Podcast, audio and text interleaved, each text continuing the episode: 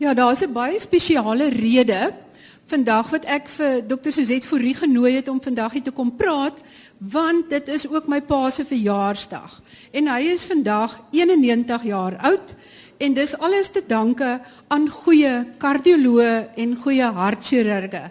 Want as jy reken hy het op in sy 50er jare al sy eerste hartaanval gehad en vandag is hy nog steeds aan die gang, baie besig en sy brein maak hier absoluut niks om die waarheid te sê, hy het 'n swart beld in Sudoku.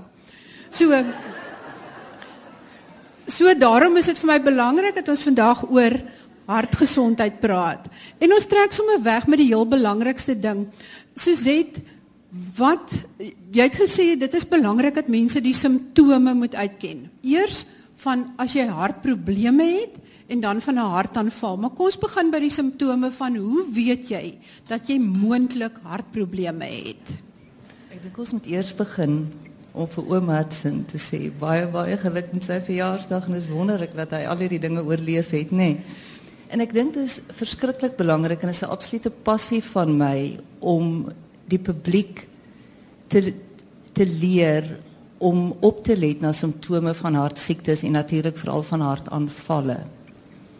Ons sien so baie keer pasiënte by ons opdaag met die komplikasies van hartaanvalle. Dan het hulle 'n hartaanval by die huis gehad, maar met die pyn gesit of met die komplikasies selfs wat na die hartaanval kom.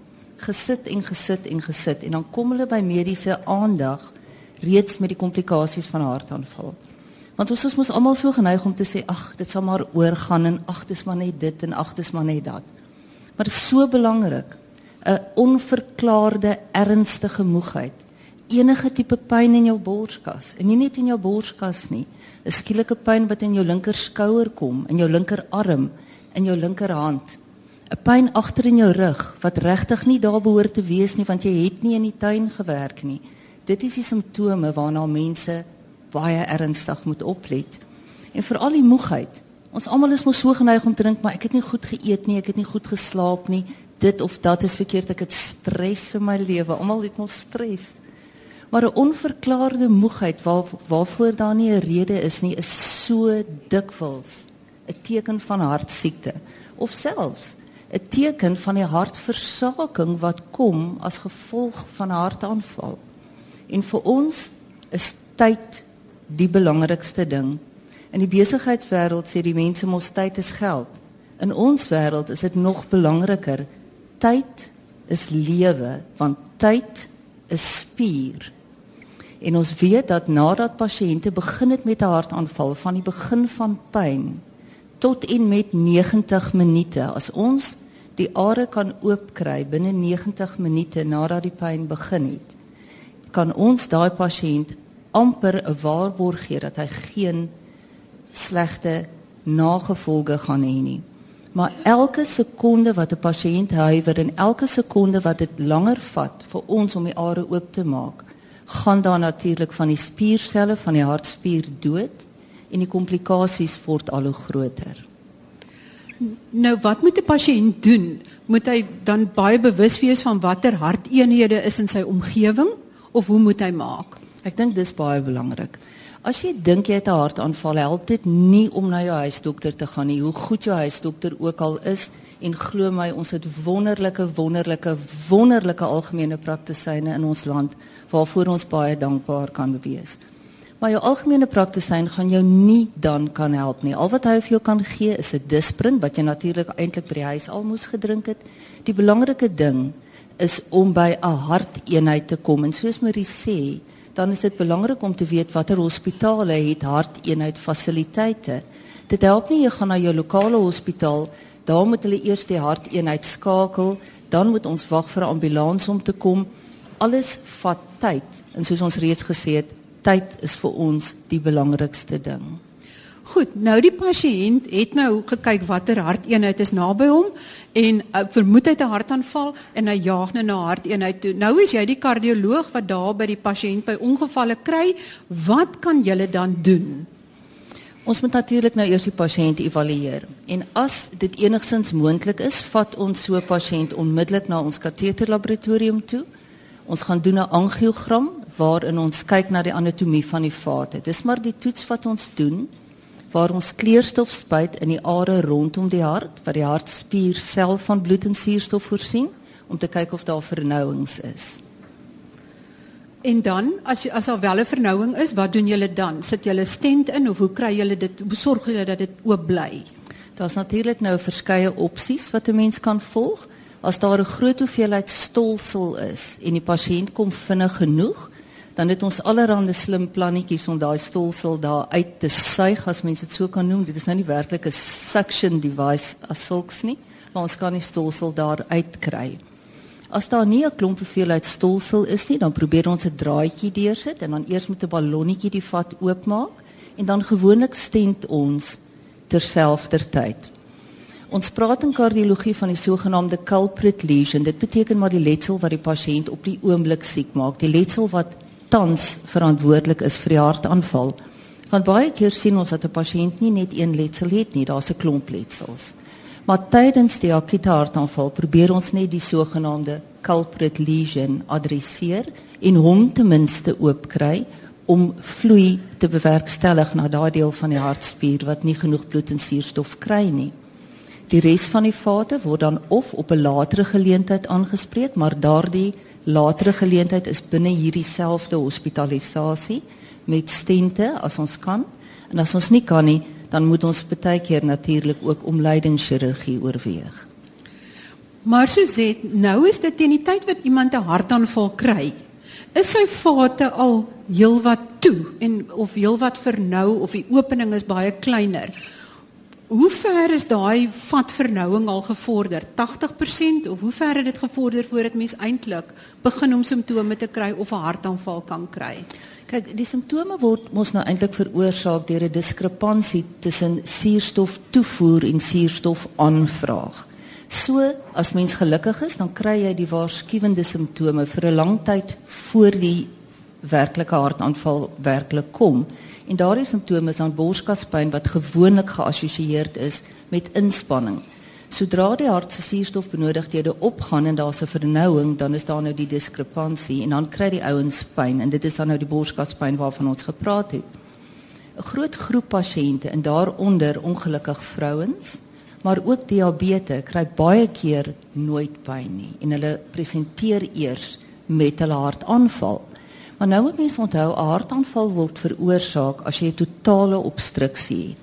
So 'n hartaanval is eintlik 'n obstruksie wat natuurlik 'n bloedstolsel is wat op 'n betekenisvolle vernouing gaan sit en sodoende 'n totale obstruksie van bloedvloei na daardie deel van die hart veroorsaak. Maar soos ek gesê het, ongelukkig kry vrouens baie atipiese simptome of geen simptome nie en diabetes ook.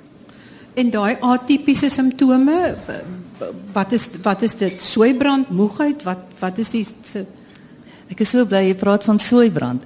Want baie van die ouens, weet jy, die die professor wat my nou maar geleer het toe ek jonk en mooi was, dis 'n baie lang tyd gelede.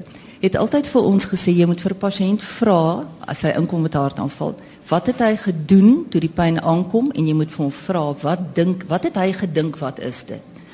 En dit is interessant om te sien hoeveel pasiënte sê, maar ek het gedink ek kry 'n hartaanval. Baie pasiënte weet dit. Maar 'n klomp pasiënte sê, maar ek het gedink dis die pastytjie wat ek vanmiddagete geëet het of dis die lekker stuk plaasbrood met botter wat ek geëet het. So baie mense verwar soeibrand en hartsimptome en dit is baie baie moeilik om dit te onderskei. Om vir jou 'n idee te gee, ek kry 'n klomp van my pasiënte van die gastro-enteroloog af wat reeds 'n gastroskopie gedoen het vir 'n pasiënt wat sogenaamde soeibrand het. En dan as hulle niks kry nie, stuur hulle die pasiënt na ons toe en as jy stent ingesit en as die pasiënt se soeibrand weg. Vrouens is is baie moeilik. Ons sê altyd die boeke is geskryf voordat hulle geweet het van vrouens.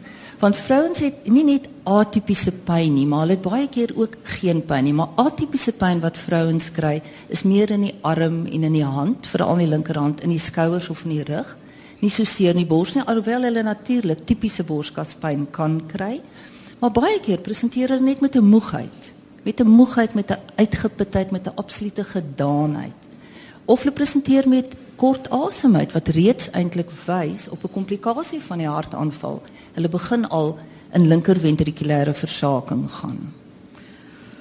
Sjoe, dit is dan dan is dit al baie ernstig, maar maar mense wil eintlik keer dat jy by 'n hartaanval uitkom. So Tim nou sit ons almal nou de mekaar en gesê koles hoë cholesterol is nie belangrik nie. Jy weet dis nie die belangrikste faktor nie. Jy moet eintlik kyk na jou glikose en insulienvlakke. Nou ek het die idee dat al twee eintlik baie belangrik is, maar is cholesterol beheer belangrik en help statiene om dit laag te hou? Professor Tim Noakes, daai spook gaan loop vir 'n baie klompie jare van nou af nog uit vir ons 'n wonderlike diens verrig deur mense werklik bewus te maak van wat hulle eet. Maar ek wonder of hy ons 'n goeie diens verrig het toe hy gesê het cholesterol is nie belangrik nie, want cholesterol is en bly belangrik en dit sal altyd belangrik wees. Wat wel van belang is, is dat cholesterol nie die enigste risikofaktor is nie, nê. Nee. En ons weet vandag dat ons ons nie meer blind staar teen 'n cholesterolwaarde op 'n blaadjie wat van die patoloog afkom nie.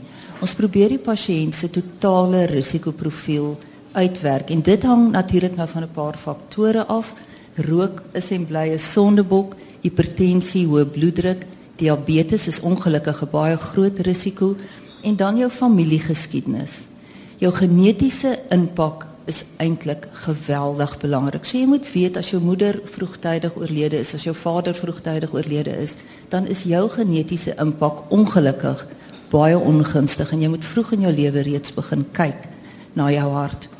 Maar ja, in hierdie totale risikoprofiel is en bly cholesterol belangrik en ja, ons kan dit met statiene baie goed beheer, maar net soos Magda gesê het, dit help nie jy drink 'n pilletjie en jy eet 'n skottel kreef en steergarnale en die chops met die met die met die vetjies aan en dink nie daaraan hoeveel totale diervet jy inneem nie. So daar, statine is belangrik, maar die eet en oefening bly die hoeksteen van cholesterolbehandeling. Dan wil ek oorgaan na hartversaking toe. Wat gebeur in hartversaking en eh, as mens se hart begin versaak, bly dit die hele tyd in versaking of raak dit weer beter en weer slegter? Is dit 'n toestand wat net kronies agteruit gaan of is daar beter en slegter?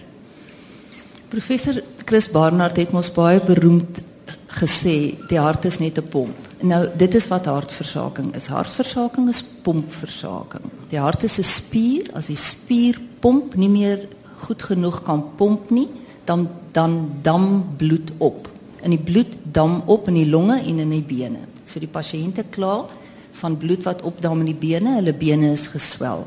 Dan kla hulle van bloed wat opdam in die longe, so hulle is kort asem. Hulle kan nie plat lê nie, hulle lê op 2 en 3 en 4 kussings waar hulle voorheen op 1 of 2 kon gelê het en hulle kry oefeningsinkorting. Waar hulle voorheen die hele golfbaan vol kon gestap het, kan hulle nou net 6 bytjies stap en dan moet hulle begin rus. En ja, hartversaking is 'n voortskrydende progressiewe siekte. Maar dis nie alles gloom and doom nie. Met die medikasie deesdae het ons absoluut wonderlike wonderlike resultate. En ons kan ons pasiënte met hartversaking baie effektief hanteer, ten minste soveel so dat hulle nie meer simptome het nie, maar ook dat ons hulle prognose werklik kan verbeter. Maar in die verloop van 'n hartversakingspasiënt is daar baie duidelik slegter en beter daar. En is baie baie belangrik dat dokters wanneer pasiënte kom met 'n opflikkering van hartversaking vir hulle self en vir hulle pasiënte die vraag vra, maar hoekom is jy weer in versaking? Is dit omdat jy nie jou medikasie geneem het nie of nie jou medikasie gereeld geneem het nie? Is dit omdat jy ander medikasie geneem het? Want daar's 'n groot gros ander medikasie wat hartversaking vererger. Is dit net omdat dit geweldig warm is buite of omdat dit geweldig humid is buite, baie vogtig? Al daardie faktore het 'n invloed op die verloop van 'n pasiënt met hartversaking. Watter medikasie kan dit vererger? Daar's 'n baie groot groep ongelukkige steroïde daaronder, die anti-inflammatoriese middels, licorice, ekstra hormone, alkohol is ongelukkig een van die en baie van die voorskrifmedisyne ook. Die probleem is natuurlik ook dat 'n pasiënt wat hartversaking het gewoonlik meer van ons ouer pasiënte is en hulle het baie ander komorbiditeite. So die pasiënt kom by sy ortopeed of by sy huisdokter of by sy chirurg Die wil hom opereer. Dit stop sommige van sy hartmedikasie, gee klomp hoë dosisse anti-inflammatoriese middels steroïde en dis net genoeg om 'n pasiënt in hartversaking te stoot. So met ander woorde, as iemand in hartversaking is en jy behandel hom, dan kan jy eintlik weer omkry dit hy nie in hartversaking is vir 'n tyd nie. Absoluut. Mens kan 'n pasiënt heeltemal uit hartversaking uittrek en ons kan hom uit hartversaking uithou vir 'n baie lang tyd, veral Mens kry pasiënte wat absoluut vasbeslote is om hierdie ding te bestuur. En van my pasiënte wat baie erge hartversaking het, maar nou praat ons van pasiënte wat regtig kritieke swak funksies het. Hulle weeg hulle self elke dag en hulle weet as hulle gewig elke dag 'n bietjie hoër en 'n bietjie hoër en 'n bietjie hoër is, dan weet hulle hulle begin vog terughou, hulle is besig om terug te gaan in hartversaking en hulle moet of hulle medikasie aanpas of hulle moet ons kontak. Ek het ook onlangs verneem van allerlei ehm um, implantbare fibrillators en uh, hart apparate wat jy kan implant om die hart eintlik te versterk. Ehm uh, maar ek wil nou terugkom na ehm um, uh, hart siektes. En dit is ehm um, as jy as jy iemand kry met diabetes, het hy 'n verhoogde risiko om hartprobleme te kry? Ja, absoluut. Ons diabetes is ongelukkig in ons hoogste risikokategorie vir vir hartaanvalle. Dit wil sê vir die opbou van cholesterolplaak in die are. En in die groot diabetes klinieke kyk hulle nie net na pasiënte se voete, diabetes se voete en voetsorg en hulle oë en velsorg nie. Daar maak hulle seker dat 'n pasiënt 'n kardioloog sien een keer in 'n jaar en ons diabetes word baie baie goed opgepas. Elke jaar as ons hulle sien, moet hulle 'n stres EKG kry. Hulle kry 'n ekko, 'n sonar van die hart om weer te kyk na die funksie en ook om te kyk of haar 'n deeltjie van die hartwand nie goed genoeg beweeg nie, want dan weet ons die vat wat daai deeltjie van die hartspier voorsien moet aangetas wees. Ons kyk na hulle karotisvate waar ons nie die karotisvate is die groot vate wat bloed uh, bring na die brein en na die gesig toe. En daar kyk ons nie net na obstruksies, dit wil sê cholesterolplaak nie, maar ons kyk ook na die die verhouding van die intima en die media, as die middelste en die heel binneste laagie van die vatwand, want dit gee vir ons baie belangrike inligting vir hierdie pasiënt se risiko op hartaanvalle. Maar ja, diabetes is ongelukkig een van ons heel hoë risiko kategorie pasiënte. OK, dan net 'n laaste vraag. As jy 'n stens insit, Ehm um, ek het al verneem van kardioloë wat tot 11 en 13 stents insit in 'n pasiënt. Is dit aangewese? hierdie hierdie vraag sit binne op die spot nee en al my kollegas gaan nou vir my kruisig oor wat ek nou sê. So hier is nou nie reg of verkeerd nie. Ek is gekruisig en klaar. Ehm um, nee, ons kyk ons het baie streng riglyne oor hoe jy 'n pasiënt moet hanteer. Maar En dit is een van die dinge wat ek besonder aantreklik vind in kardiologie is dat daar streng riglyne is oor alles. Maar jy weet as mens 3 uur in die oggend daar staan en hier's 'n pasiënt voor jou op die tafel, dan is die riglyne ver en die krisis is naby. So mense hanteer maar die krisis op op die beste van jou vermoë. Ons riglyne sê ehm um, dat as 'n pasiënt 3 vat siekte het, dit wil sê al 3 van die groot epikardiale vate is aangetast Veral natuurlik as daar veelvuldige aantastings op elke vat is, sal daai pasiënt beter doen met chirurgie as met 11 of 13 stents. Maar nou gebeur dit ook so dat 'n pasiënt oor 'n verloop van 16 of 20 jaar wel 11 of 13 stents kan kry. En as iemand dan van buite af kom en sê, "Oek, maar hoekom het jy 11 of 13 stents? Dis nie die aangewese ding nie."